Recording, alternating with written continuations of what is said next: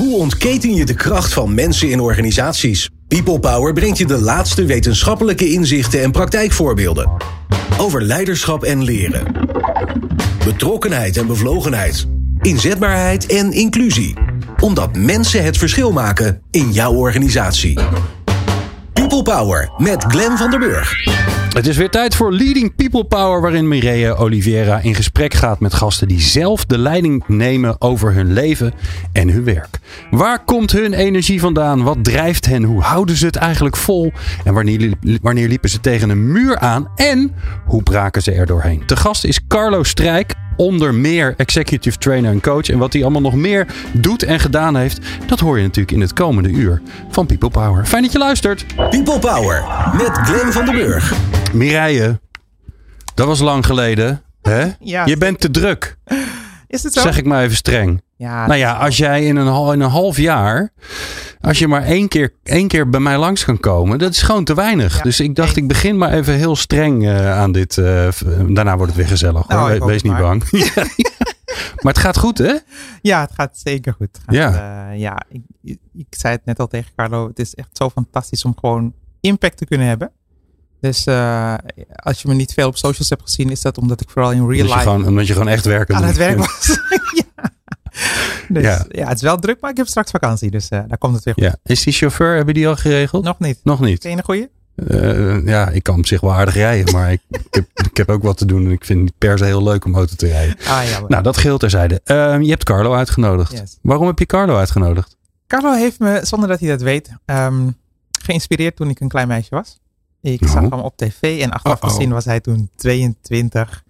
En ik zag een, een man op tv die leek op mijn familie. Huh? En niet zozeer sprekend, maar gewoon een man van kleur op tv. En die had een leading role. En ik dacht echt van, oh, wauw, het was ergens onwennig. En ergens, het is ergens ook een beetje spannend. En ergens helemaal geweldig. En ik ben hem gewoon nooit meer vergeten. Maar dat, dat zijn we ondertussen samen misschien vergeten. Dat dat ooit... Ja. eh, Carlo weet precies wanneer dat was. Ik weet het namelijk ook niet meer. Maar wij zijn namelijk ongeveer even, even ja, oud. ja, Hè? Ik ben Carlo is niet veel ouder hoor. Maar, eh, Nee, maar de- dat was ooit was dat, dat was bijzonder. Ja, dat was het. Weet jij het ook nog? Ja, ik weet het. Ja, maar ik weet, ik weet niet meer. Ik, ik weet niet of ik hem in het juiste vakje in mijn hoofd heb gestopt. Maar volgens mij was er een. ehm, de- het was een programma waarin je eh, eh, mee kon doen. Een soort levende auditie. Om presentator te worden, toch? Nou, Ja. kijk. Ja, hè? Toch eens Ja. Nee, maar ik vond dat toen zo gaaf. Ja. Dus met, met terugwerkende kracht denk ik daar nu pas aan. Ik denk, ik denk dat ik toen dat zo leuk vond om naar te kijken. Omdat ik dat eigenlijk misschien stiekem zelf ook wel wilde. Oh. maar dat, wist, maar ik- dat is allemaal eh, achteraf. eh, ja. Dus het, het CT-prikken er En doorheen. weet hoor. je dan nog hoe dat programma heette? Want dat is Iets met show de- erin. Showmasters. Ja, nou, je- je zit al op Jeetje 50%. mina, zeg. Waar De- komt ja? Showmasters. Showmasters, toch? Ja. Ja. Het is toch niet te geloven, hè? Dat Nou. is echt Nou, waar, waar zat dat ergens in mijn brein verstopt? Ja. Ja. Ja, het was eigenlijk het, het aller, aller, aller, aller Willem Bol had je volgens mij. Willem Bol, Jan ten Hopen, Ja. Carlo Strijk. Nou, dat ben ik, dat ben ik dan toch nog steeds. Ja, godsamme zeg. Ik krijg Ehm. gewoon, ik, ben, ik ben, ja, ik krijg gewoon met terugwerkende kracht eh, krijg ik eh, zenuwen Krijg je- dat, dat je ja. er bent. Dus, nou, dat snap je nu eh, waarom ik natuurlijk. uitgenodigd. ja. Nou, ik moet wel zeggen, het was natuurlijk echt een van de allereerste talentenshows. Hè, daar zijn er nu, dan, de struiken we erover. Maar het was een beetje de moeder van, eh, van de talentenshows. Je hebt nu The Voice. En het grote verschil is dat je eh, ehm, geen platencontract kon winnen zoals je nu bij The Voice kan.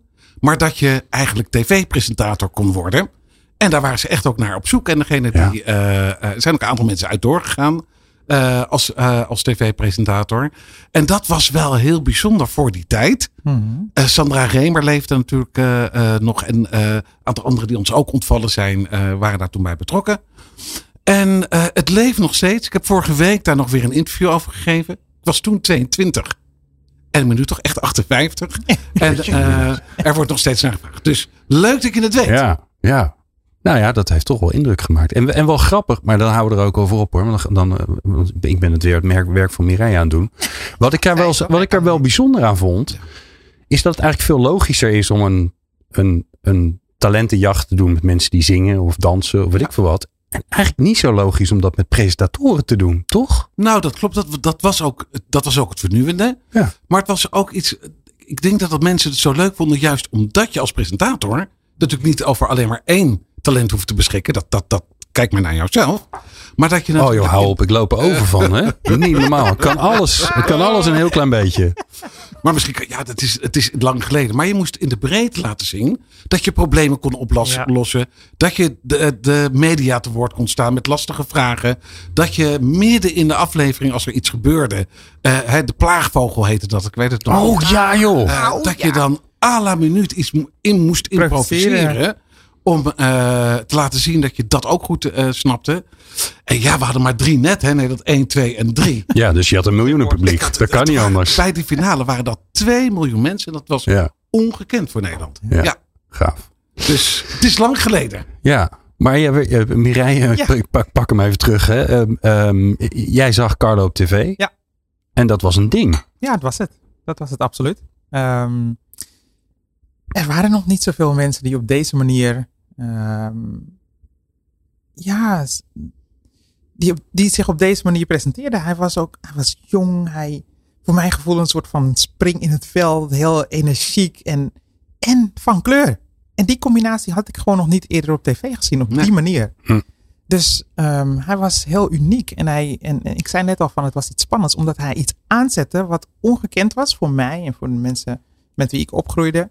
Ehm, namelijk dat mensen van kleur ook gewoon zichzelf konden zijn in een professionele rol. Zonder dat ze dus in een stereotype rol van Hmm. of muzikant of atleet of clown of zwarte piet werden gedrukt. Maar gewoon Mhm. professionals waren. En ik dacht echt van, oeh, wow. wow. Het, is, het triggerde me en ik, ik- het heeft me heel erg, het heeft indruk op me gemaakt.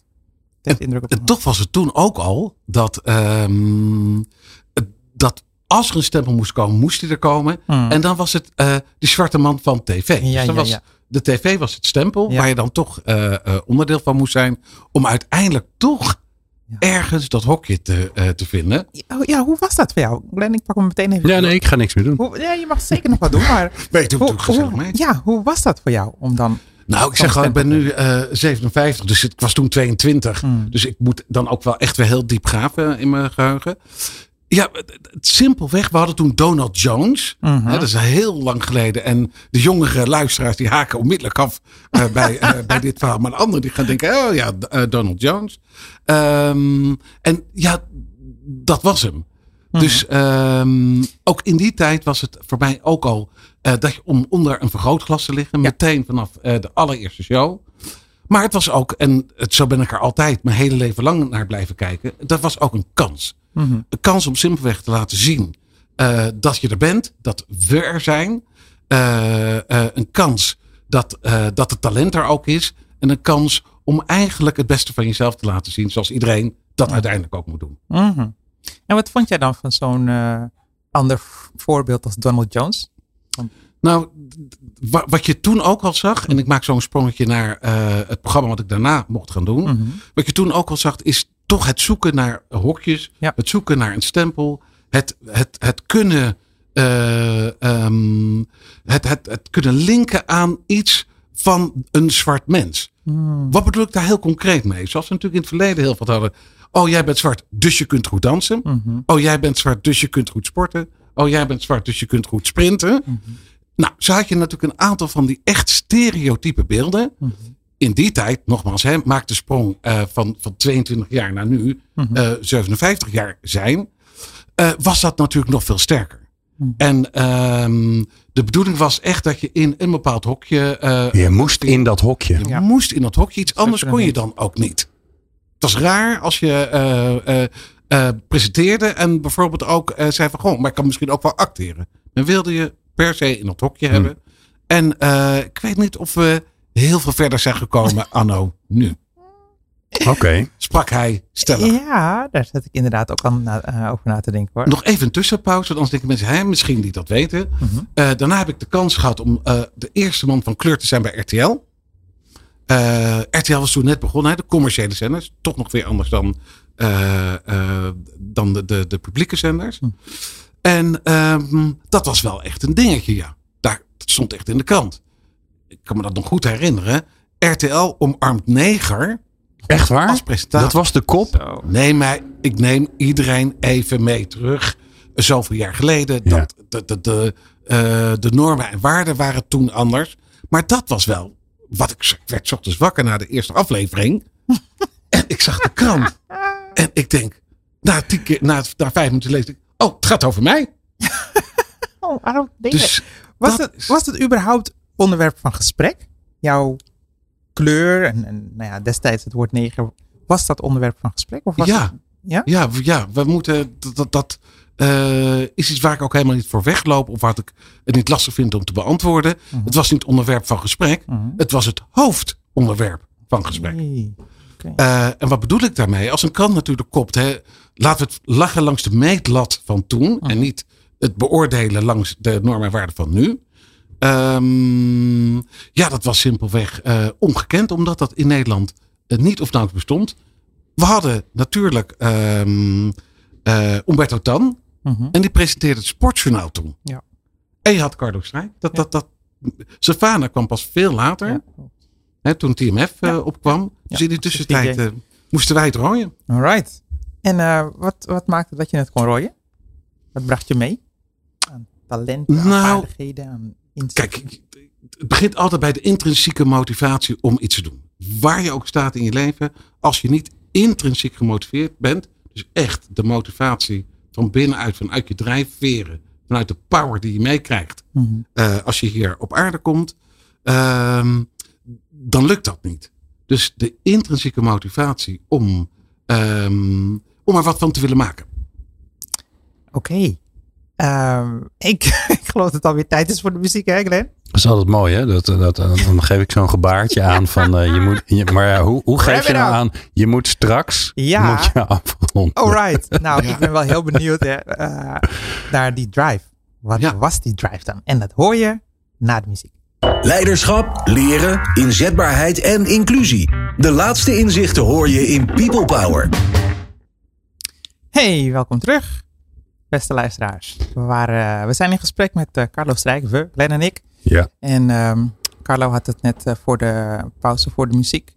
Had hij het over intrinsieke motivatie. Hè, om iets voor elkaar te krijgen. Om verandering te bewerkstelligen. En we zijn natuurlijk op zoek naar wat dreef jou om in die wereld. eh, een van de weinige mannen van kleur.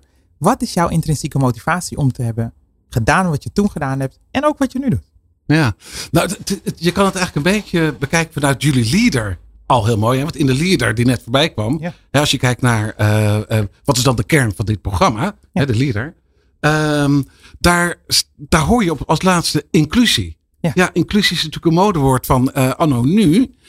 Maar waar, dat is waar we zo lang voor gevochten hebben Mhm. vanaf toen.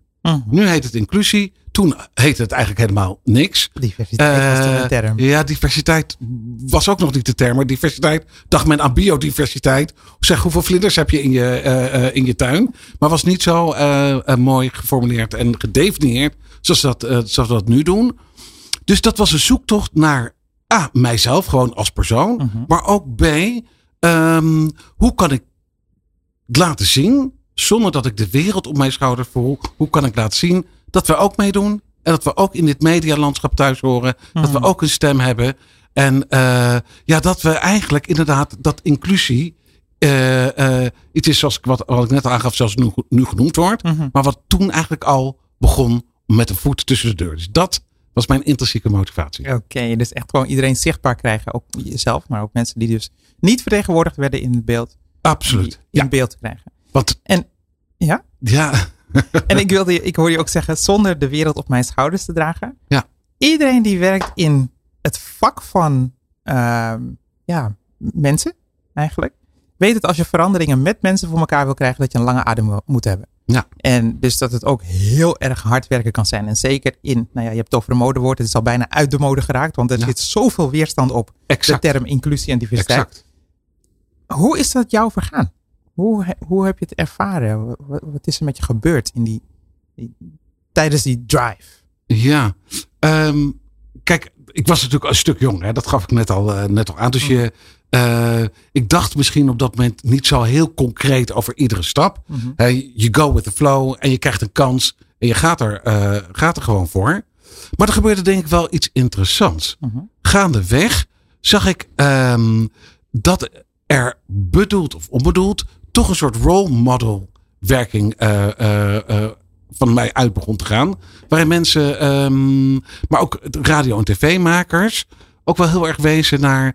eh, zo iemand als Carlo. En dat wil ik eigenlijk niet groter maken dan ik ben. Want dat, dat, dat zou niet, niet netjes zijn. Maar het is wel de situatie waar ik in, toen, toen in verkeerde. Mhm. Waar merkte je dat dan aan? Eh, dat merk je aan, de, manier, aan de, de, de redacties. De vragen die gesteld werden. Of de thema's waar je op in moest gaan. Die eigenlijk altijd zo gekaderd waren. Dat je ook wel heel duidelijk kon merken dat de aanvliegroute er één was van. Oh, hij is van kleur. Dus gaan we weer hè. Gaan we terug naar het hokje. Lekker weer in het hokje. Gaan Ja. we weer naar het hokje dansen. Gaan we weer naar het hokje. Ik zal nooit vergeten, even een hele korte anekdote. Ik zat in het programma een Sterrenslag. Alweer. Het is eh, Oh, voor mis, de ik ouderen. mis het nog steeds gewoon. Was wel erg leuk. Sterrenslag Ja. was om in één zin te zeggen een competitie onder eh, artiesten. Die werden dan naar een van de eiland afgevoerd. Ja, en, en mind you, dat waren BN'ers die je kende. hè? Ja, Echte BN'ers. echte band. Ja. Nou, ik zat er ook bij, dus Ja. ik weet niet wat dat dan betekent. Ja, maar ik mocht daarbij zijn. Ja, toen was je wel echt een En eh, ik zal nooit vergeten dat we moesten met een vlot over. Nou, en ik weer hoor. Ik had in mijn team Albert Verlinde. Ik had in mijn eh, team, ik dacht Tineke, eh, ze is helaas overleden. Tineke de Nooi. Ja. Tineke, eh, niet Tineke de Nooi, Tineke Oh. Verburg. Verburg. Ja, Ja. goed voor jou. De oud-presentatrice van de Tros. En eh dat potom, dat raakte natuurlijk eh, op drift. Omdat geen van ons eh, eh, echt goed was en goed sportief genoeg was om naar de overkant te komen. En vraag 1 was natuurlijk, jeetje, ik had van jou verwacht als zwarte man dat je wel zo goed kon roeien dat je naar de overkant kon roeien. Dus antwoord op de vraag is hoop ik steeds dat hokje, steeds dat vakje. En eigenlijk steeds dat verdedigen wie je bent. Ja. eh, omwille van eigenlijk eh, de, de, het, het plaatje dat men heeft. En als we die parallel naar nu trekken, als we kijken naar eh, hele discussies, eh, sommige mensen worden beschuldigd van wokeism en eh, het politiek correct willen kijken naar mensen. Maar als we gewoon daaronder gaan kijken en zien welke verschillen er zijn, hebben mensen uit de LHBTI-gemeenschap er last van, handicap, mensen met een handicap, mensen met een andere religie. We, we stoppen ze allemaal in hokjes. Ja. En ehm, mijn vraag is, waar ging het bij jou, en misschien niet zozeer om het hokjes denken, maar waar kwam je ja, eruit te liggen, zeg maar? Waar ging het mis? Want je hebt je, je, hebt, je, hebt je cv, zeg maar, eh, meegegeven aan ons. En toen dachten we van, oh ja, er is ook een ommekeer geweest in je leven. Daar doe je op, ja. Eh, ja, het ging, eh, het ging mis, kan je eh, zeggen, maar om meteen eh, het eh, helder te maken. Ik ben eh, natuurlijk omgevallen met een eh, heel zwaar herseninfarct. Hmm. Eh, ja, dat is bijna een beetje de afronding van eh, mijn tijd hier eh, op eh, deze aarde. En ehm, eh, ik heb daar later heel goed over nagedacht. Hoe kom je nou op zo'n jonge leeftijd? Ik Mhm. was, eh, eh, ik denk 35, 37, 38, ik weet niet meer precies. Oh. Eh, hoe kom je nou aan een herseninfarct? Hoe kom je dan zo eigenlijk in een soort van kruispunt van je leven al? Ik heb daar met heel veel mensen over gehad. En ehm, het is misschien een beetje de knuppel in het hoenderhok. Mhm.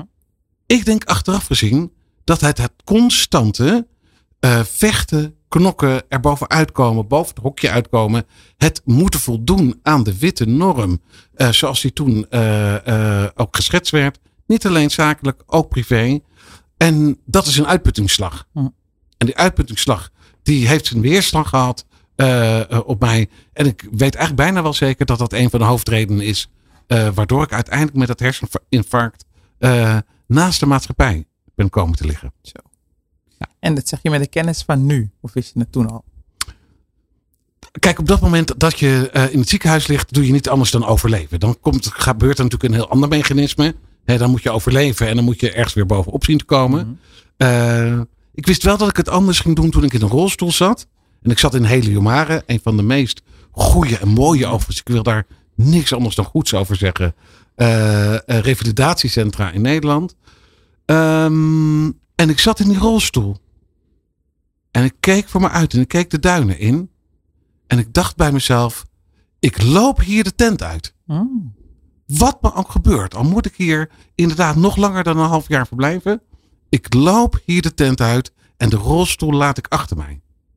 Zo. Dat was ook het keerpunt. Dat was de ommekeer eh, eh, waarin ik heb gezegd, nou, ehm, ik ga het anders doen. Mm. Om met Martin Luther King eh, dan te komen in dit verband. Eh, het, is een beetje wat er nu ook gebeurt met de hele discussie over diversiteit en over inclusie. Heel veel mensen zijn het al een beetje zat. Mhm. Het is toch een beetje een Zanik-thema aan het worden. Eh, mensen zeggen, oh, hebben jullie weer, je voelt je zo snel gediscrimineerd. En wat de, ehm, eh, wat eigenlijk eh, in het algemeen als meest gezegd wordt, wacht nou toch rustig af, dan gebeurt het allemaal wel. Terug naar Martin Luther King, waar ik mee zou komen. Mhm. Martin Luther King heeft ooit gezegd: Men vraagt mij om te wachten. De politiek vraagt mij steeds weer om te wachten. We wachten en we wachten en we wachten ons hele leven lang al. Mhm. Wanneer gaat er dan een keer wat gebeuren? Hmm. En als je langs die lijn redeneert, Mhm. dan eh, moeten we geen genoegen nemen met het is een zanig thema, of we hebben er genoeg van, of we doen ons best. Of wacht maar af. En is het, eh, was het toen, en is het nu misschien nog wel sterker, het moment om door te pakken, het moment om dat gesprek aan te gaan, het moment om het beestje bij de naam te noemen. Ja. Nou ja, het, het, het grappige is wel, kijk, ehm, ehm, ik heb geen kleur, nou ja, een klein beetje, maar niet genoeg om er, eh, zoals jullie, mee geconfronteerd te worden. Want ik eh, eh, groei op in deze witte maatschappij. Viel me trouwens mee. Ik ben die vinkjes eens gaan checken. Ik, het viel best mee. hoe- Nee, nee, die zeven halen bij lange na niet. Nee, bij lange na niet. Nee, maar dat is ook een aanname natuurlijk dat alle witte mannen die zeven vinkjes Ja, nee, nee, daarom. Dus ik dacht, ik, en het voelde goed dat ik het niet allemaal had. Kan je nagaan, hè? Dus er gebeurt wel wat. Ja. Ehm, het ingewikkelde met dit thema is, als ik vanuit mezelf praat. Ehm, en ik ben altijd eh, eh, echt stevig opge- opgevoed met ehm, gelijkheid, met eh, ehm, niet discrimineren. En ik heb dat echt met de paplepel ingegoten gekregen. En ik moet je heel eerlijk zeggen dat pas op het moment dat ik hier in de studio of in een andere studio in gesprek ga met mensen van kleur, zoals met Mireille. En die vertellen over wat ze meegemaakt hebben. En die gaan maken het concreet. Hè? Dus die zeggen niet, ik voel me gediscrimineerd. Maar die zeggen, kijk. En nou ja, Mireille, je weet het. eh, Mhm. Ik heb jou geïnterviewd voor de eh, Sterkmakers podcast van Schouten Nelis. En toen, daar vertelde je in, als kind eh, keek, zag ik op tegen het feit dat Sinterklaas weer het land in kwam. Ja, In plaats van, ja weer. ja, eh, in plaats van mijn ervaring Mhm. uitkijken naar de Sint. Hè, dat was altijd een groot feest. Mhm. En pas op dat soort momenten voel je het een beetje, Mhm. durf ik dan te zeggen. Dat ik denk, jezus, wat, heb- wat hebben we gedaan? Nou, mag ik daarop inhaken? Ik denk dat dat eigenlijk een heel mooi eh, interventiemodel is. Strategie misschien ook wel. Maar, eh, en dat is eigenlijk om waar mensen zeggen, eh, je, jullie worden gediscrimineerd of jullie voelen je gediscrimineerd. Of wacht nou rustig af, het komt allemaal wel. Of het is zo'n groot thema. Ik denk dat door consequent met concrete voorbeelden te komen. En die hebben we allemaal te over. Dat beloof ik je. Eh, door het steeds weer te benoemen. eh, en daar niet alleen maar begrip voor te vragen. Want ik vind het moment van er begrip voor hebben. eh, vind ik een mooi moment. Maar ik wil eigenlijk de volgende stap durven zetten. Dat is niet alleen maar begrip. Mhm. Maar ook wat gaan we eraan doen. Mhm. Dus van wat naar hoe. Oké. En dat is ook wel echt waar we met elkaar aan zullen moeten werken. Maar heel mooi dat juist jij, dat juist jij zegt, Glenn. ehm, als ik dan zo'n voorbeeld van Mireille hoor, Mhm. dan, dan voel ik hem. Ja. Ja, nou ja, ik, het, het is volgens mij het allereerste interview wat ik gedaan heb. Waarbij ik, terwijl je dat vertelde, en ik wilde daarna vertellen hoe ik me voelde. En ik heb laatst ook nog eens een keer in een andere podcast eh, dit voorbeeld gegeven. Ik schiet gewoon, ik krijg gewoon, mijn keel wordt gewoon dichtgedrukt. Dus ehm, eh, bedankt, Mireille. Ja, ja. bedankt Ja, ervoor. dat- ik. Superleuk. Nee, maar Glenn en ook Carlo, ik wil er ook wel iets naast leggen. Hè? Dus inclusie en diversiteit gaat niet alleen maar over kleur. Wij Mm. hebben het nu over kleur, maar het gaat ook over jouw ervaringen. En ook over het feit dat je wel degelijk trots kunt zijn als witte man met zeven vinkjes. Want dat betekent dat je het privilege of het voorrecht hebt om het verschil te kunnen maken. Exact. Dus de leiders die tegen mij zeggen, ik werk met heel veel leidinggevenden, die zeggen van ja, ja, ik, ja, ik voel me wel een beetje beschaamd en ik geloof dat ik hierover niks mag zeggen. Dan denk ik, own your rank. Ja, juist wel Exact. toch dan. Ga Ja. vanuit die positie waar jij meer privilege hebt of meer mogelijkheden of meer macht of invloed hebt. Ga kijken waar je het verschil kunt maken. Dus het gaat over bewustwording en alle verhalen meenemen. Want jouw verhaal is minstens zo belangrijk. Dit Omdat we het met elkaar moeten doen. Dit is zo mooi. En dat is eigenlijk daarmee weg van het problematiseren Ja. of het dramatiseren. En hebben we eigenlijk al meteen met elkaar die volgende stap gezet. Alhoewel ik ook vind dat je even mag voelen hoe het is. Zeker. Maar dat je Van beide kanten. ook een, een, een, een handvat hebt, en handvatten, Mhm.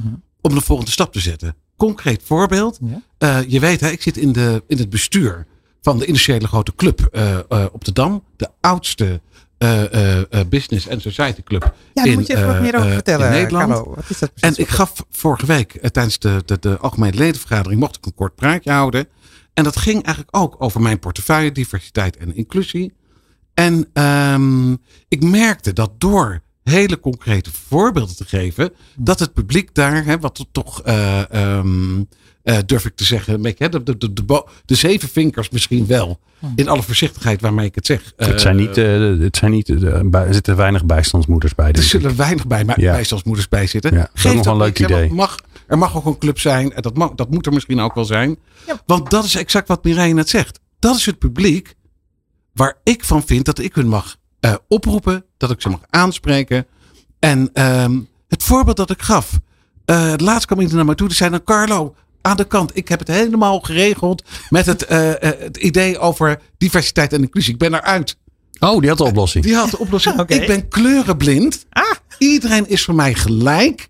En ik zie helemaal geen verschil in kleur. Oh. Nou zeg ik, gefeliciteerd. Dat is alles wat diversiteit Niet niet, is. Ja, nee, nee. Want natuurlijk is het, en dat is ook wel mooi. Het is heel mooi bedoeld dat jij zegt, ik ben kleurenblind. Iedereen is voor mij gelijk. Ja, de intenties. Maar het gaat om de kracht van het verschil.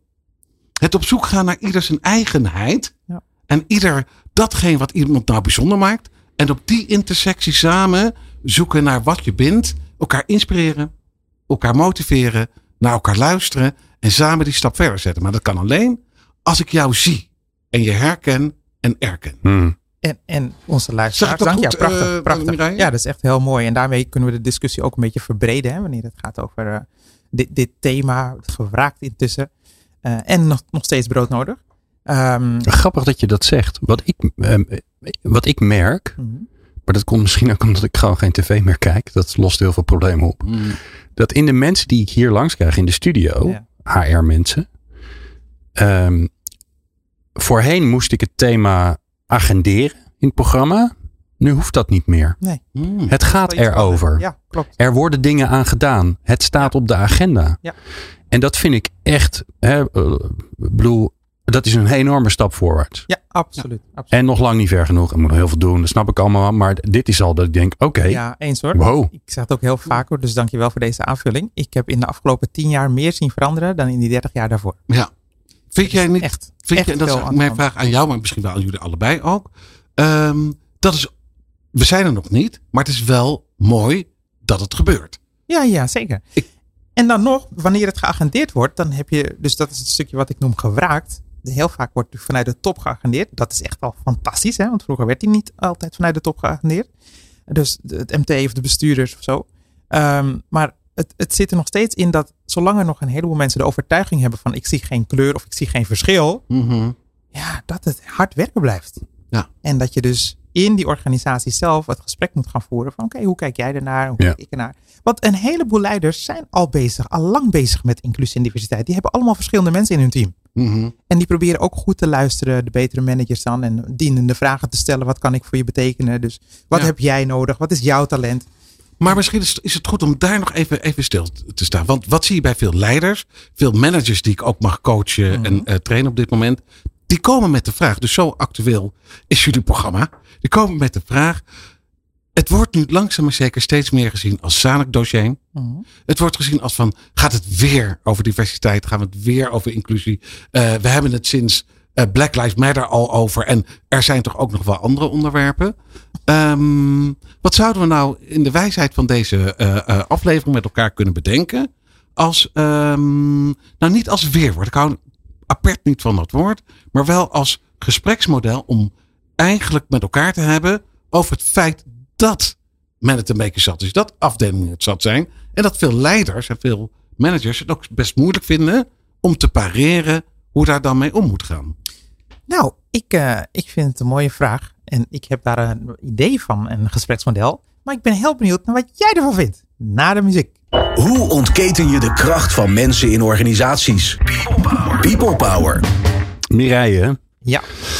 ehm, vo- voordat we doorgaan, want ik, ik, ja, ik wil nog heel veel van, eh, van Carlo weten wat we nog niet weten. Hm. Maar ehm, ik vind het zo bijzonder dat jullie allebei zeggen dat zeg maar, het diversiteit en inclusie thema, waarvan ik het gevoel heb van hé hé, het begint eindelijk een levend thema te worden wat op de agenda staat, wat uh, nou ja, bij HR-directeuren, bij uh, leidinggevenden eindelijk op de agenda staat. Mhm. Alsof dat normaal is. Ja. Hè? En jullie noemen het allebei een zeur. En dat je het gevoel hebt dat het een zeurthema aan het worden is. Nou ja, je hebt er wat, ehm, je hebt er best een lange adem voor nodig. Ehm, dus het hangt er vanaf vanuit welke positie je ernaar kijkt. En uh, ik kan me voorstellen dat jij andere mensen spreekt dan wij. Of laat me kijken voor mezelf. Ik spreek namelijk ook de opdrachtgevers en de managers. En die zeggen ook van het is heel belangrijk. We hebben er in het MT over gesproken. Dit is wat we willen. En dan stap ik de teams binnen. Mm. En in de teams. Kom je ja, ineens in de werkelijkheid. Ja, de werkelijkheid van ja, ik mag ook niks meer zeggen. En iedereen om, om me heen wil nou rechten. En wat ik ook heel goed begrijp. Dus als het gaat over zo'n gespreksmodel. Ja, vanuit Deep Democracy kunnen we alle stemmen faciliteren. Dat is heel erg belangrijk. Van wat, heb, wat, wat gaat er in jou om? Hoeveel heb je met dit dossier? Met dit thema? Dat zijn de vragen waar we mee beginnen. Ook heel vaak van hoe is het voor jou dat je een zwarte trainer voor de groep hebt staan? Mhm. Boom! Nou, dan gebeurt er direct wat. Dus in die teams zijn er heel vaak andere emoties die nog niet zo uitgewerkt of besproken zijn als in het MT op het hogere niveau. Ja, ja. En ja, En dat is misschien ook makkelijker, omdat je daar kunt zeggen: ja, we vinden het belangrijk. Maar we hebben er zelf niet zo heel veel mee te maken.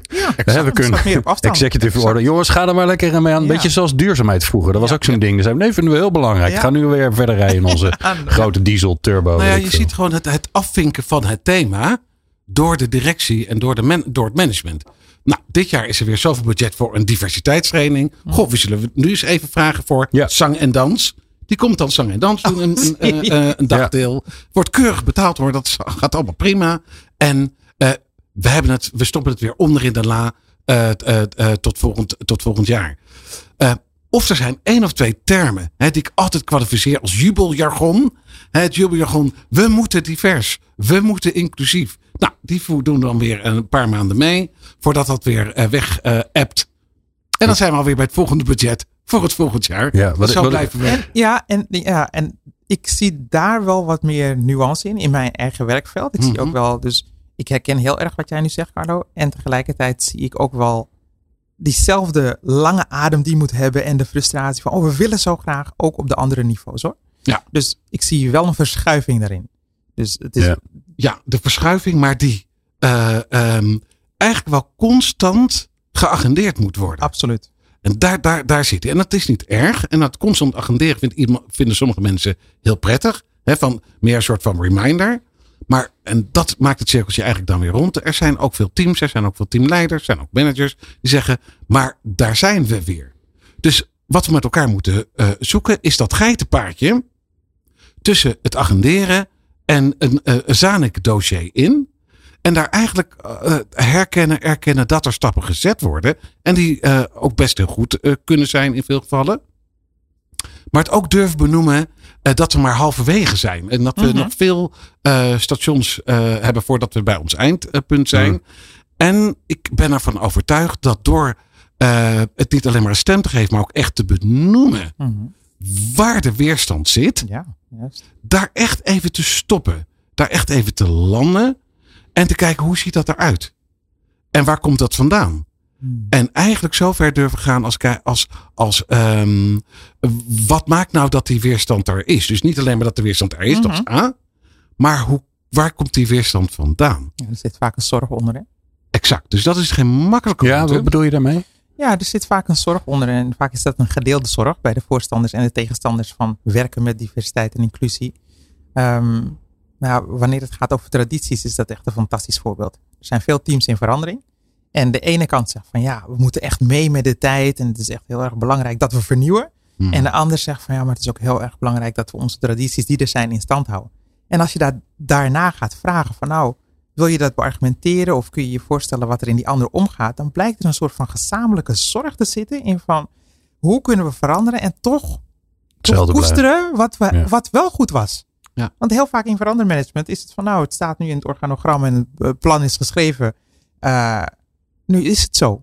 Maar het, we vergeten heel vaak het gesprek aan te gaan over zorg. Ja. En over wat verbindt ons eigenlijk. En heel vaak zit Hm. er een zorg over van ja, wat betekent het voor mij? En kan ik dan nog wel eh, op dezelfde manier mijn werk blijven doen? Of moet ik nu heel anders en heel modern gaan worden? Of moet ik nou me gaan specialiseren in IT? Of, er zit een zorg onder. En, En, en, als- die zorg. hoe, hoe is dat voor jou? En maar ik ben ook benieuwd, eh, Glenn, hoe dat voor jou is. Dus aan, de vraag aan jullie allebei. Wat doet u dat goed inclusief? Dankjewel, Carlo. ik voel me enorm betrokken in dit Ja, gesprek. ik wou Ja, net ik zeggen, ook, we, zijn met, we moeten het met elkaar doen daar. Ehm, eh, wat als ik het niet zorg noem, maar dat ik zo ver ga als dat ik het angst noem? Mhm, mhm. Dus ik vind zorg, begrijp ik goed hoor, en ik, ik, ik hoor wat je zegt. Maar eh, is zorg niet eigenlijk, als we het plat slaan, gewoon de angst om te veranderen? eh, ehm, en de zorg eh, veel eerder is ehm, de angst voor de verandering. Mhm. Ja, ik, ik, ik las ooit eens een mooie uitspraak. Mensen willen wel veranderen, maar ze willen niet veranderd worden. Exact. Dus als je veranderd wordt, weet je heel vaak niet van wat, wat, wat, wat gaat dat voor mij betekenen? Wat is die impact? Mm. En kan ik het wel? En ja, kan ik Toch? het wel? Ik, ik vind bij dit, bij dit onderwerp merk ik zelf, ik, ik begin er wat iets, iets wat comfortabeler door te worden. Hmm. Maar ik merk altijd dat als het over eh, inclusie gaat en of er nou.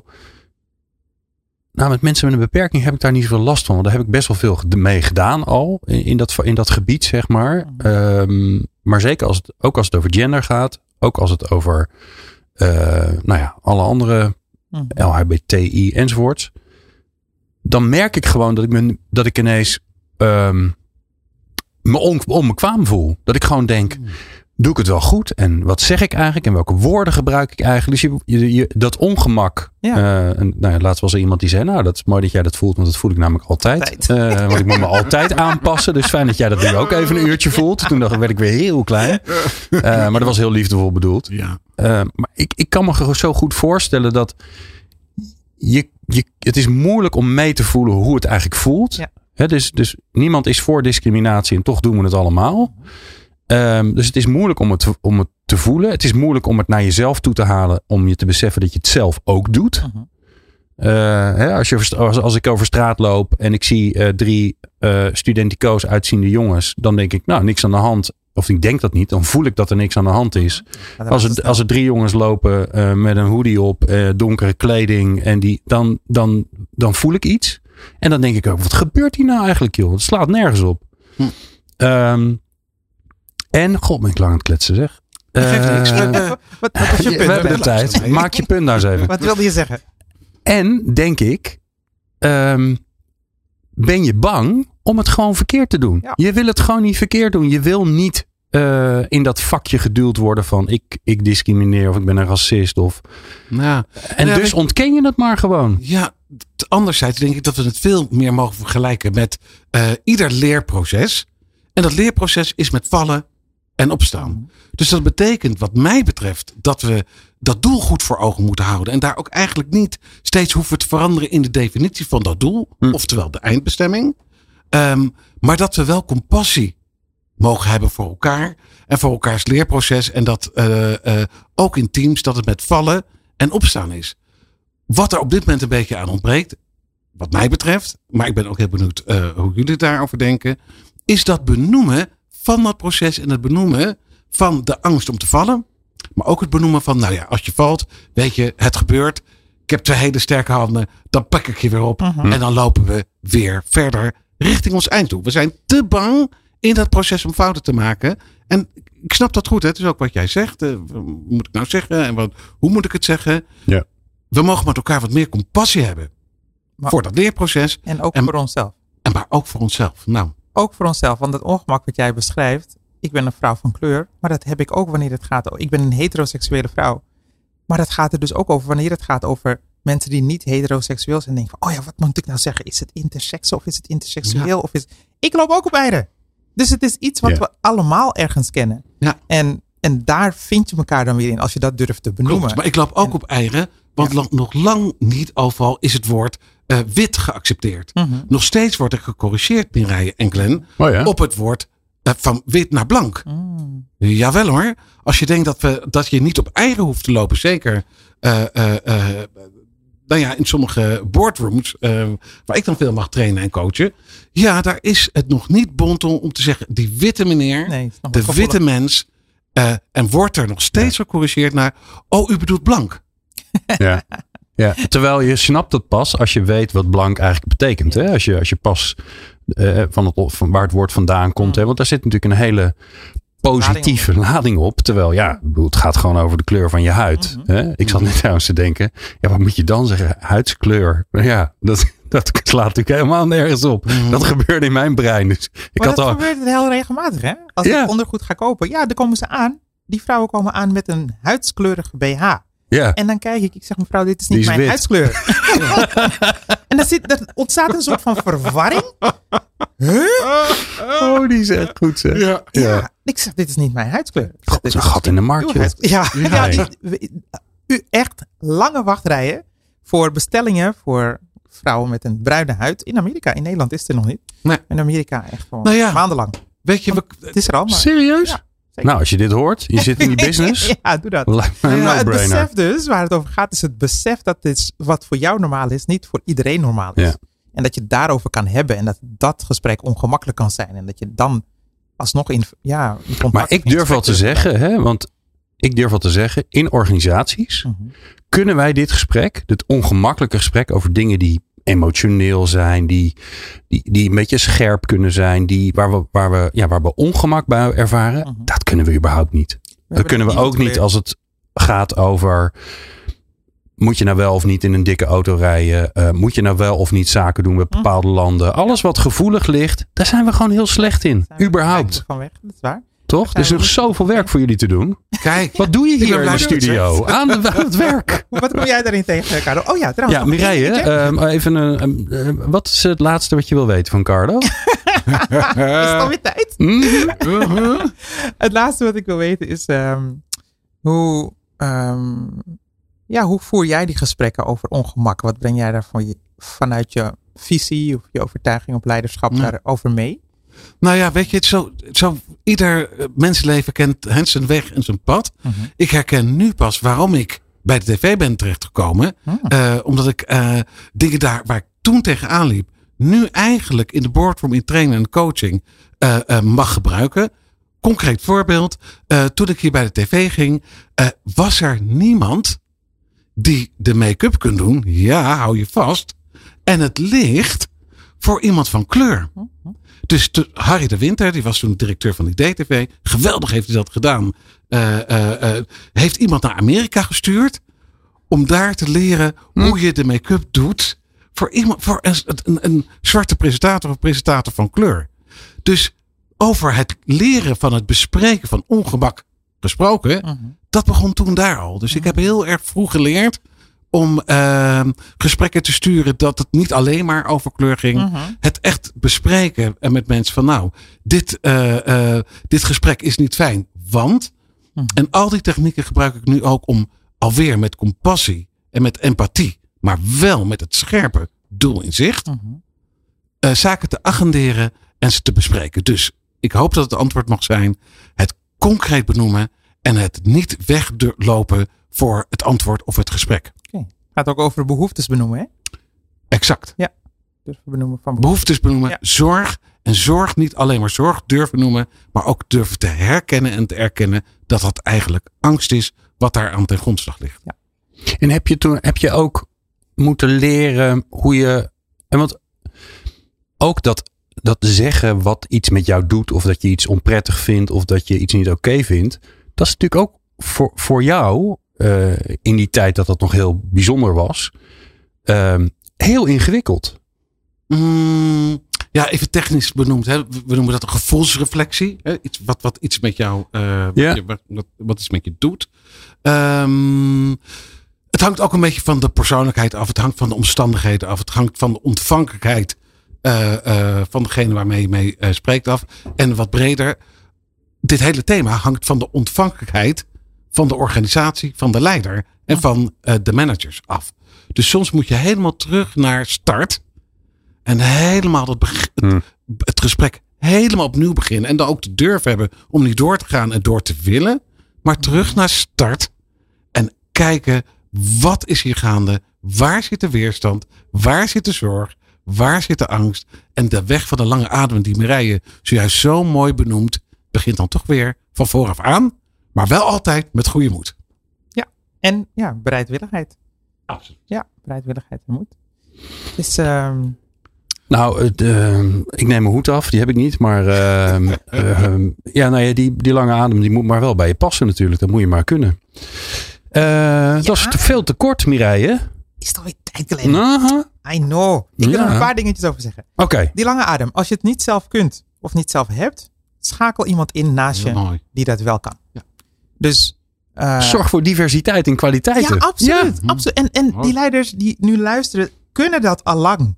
Alleen lijkt het heel erg ver als het dossier zo wordt genoemd. Maar ze kunnen dit. Een heleboel mensen kunnen prima hun, hun positie delen of goed delegeren of de juiste mensen aantrekken. Dus het is helemaal niet erg als je het niet kan. Ik kan ook niet alles. Hm. Dus als je het zelf niet zo goed kunt, dan stel je iemand aan die dat wel kan of die dat wel heeft. Heel erg mooi. En het tweede, ehm, en, eh, het tweede is dat je ook goed let, denk ik, op vocabulaire. En dan ben ik wel benieuwd. Heb, heb- hoe lang hebben we nog, Glenn?